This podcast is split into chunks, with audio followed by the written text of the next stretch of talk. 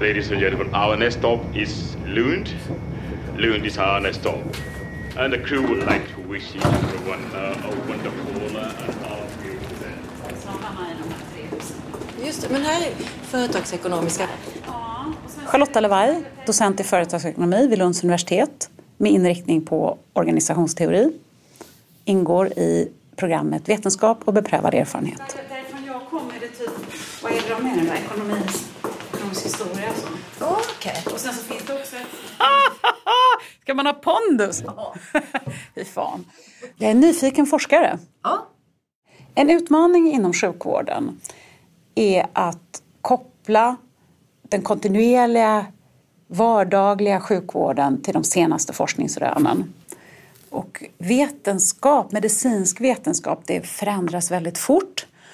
Och det är också en form av vetenskap som är abstrakt, som finns i böcker, tidskrifter och sen hos forskare personligen som är väldigt specialiserade. I sjukvården så behöver eh, läkare och andra yrkesgrupper tillämpa den här generella abstrakta kunskapen i konkreta fall. Och det ställer, det behöver ske någon typ av översättning och förmedling. Och då ser jag kliniska register där man alltså registrerar den vardagliga sjukvården så som den faktiskt ges på alla de olika typer av patienter som behandlas och som faktiskt finns. Som en förmedlande länk mellan vetenskap och den kliniska praxisen, sjukvårdens vardag. Sverige ligger väldigt långt fram när det gäller den här typen av register. Vi har helt otroliga forskningsregister och eh, egentligen register av all möjlig sort i Sverige. Och att detta går i Sverige beror nog till stor del på att vi har en hög grad av mellanmänsklig tillit och kanske också större förtroende för sjukvården. När det kommer till de här, den typen av kliniska register som jag talar om så ligger vi också väldigt liksom, långt fram. Ett konkret exempel är från det framstående nationella kvalitetsregistret höftprotesregistret i Sverige. Som är ett av de äldsta och bäst fungerande kvalitetsregistren i världen faktiskt. Eh, och som gör att vi har betydligt bättre resultat från eh, höftproteskirurgi i Sverige än i, än i de flesta andra länder. Mycket av den kunskap vi har om skillnader mellan olika delar av Sverige, skillnader i den vård som män och kvinnor får, skillnader som kan kopplas till socioekonomiska faktorer, också när det gäller hur väl folk klarar sig efter olika operationer. Mycket av den kunskapen kommer från sådana här register.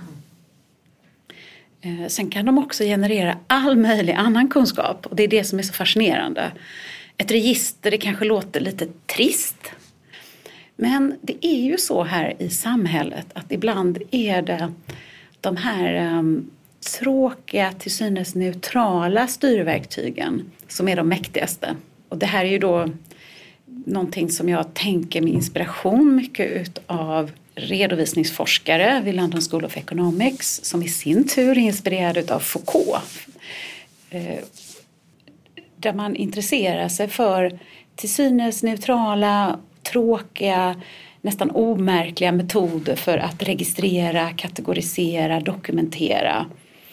Och som rymmer väldigt mycket mer än man kunde tro och har mycket större styrande kraft än man kunde tro. Just därför att de verkar så neutrala.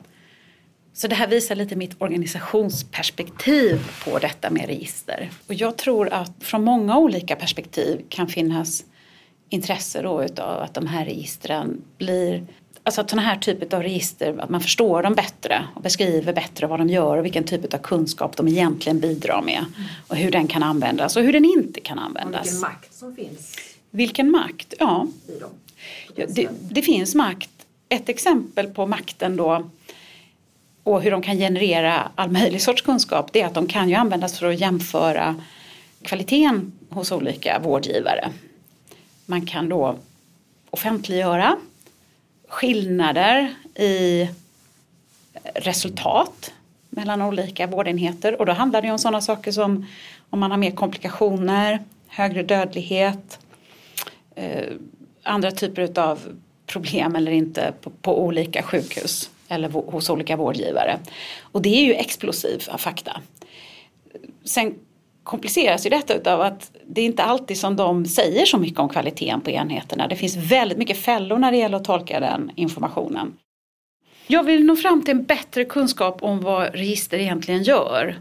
Nu tror jag att de är en fråga mycket för medicinska experter och i någon mån folk som reglerar detta lagligt och myndigheter och så. Och då tror jag att det kan behövas nya synvinklar på det och nya sätt att beskriva vad de egentligen gör.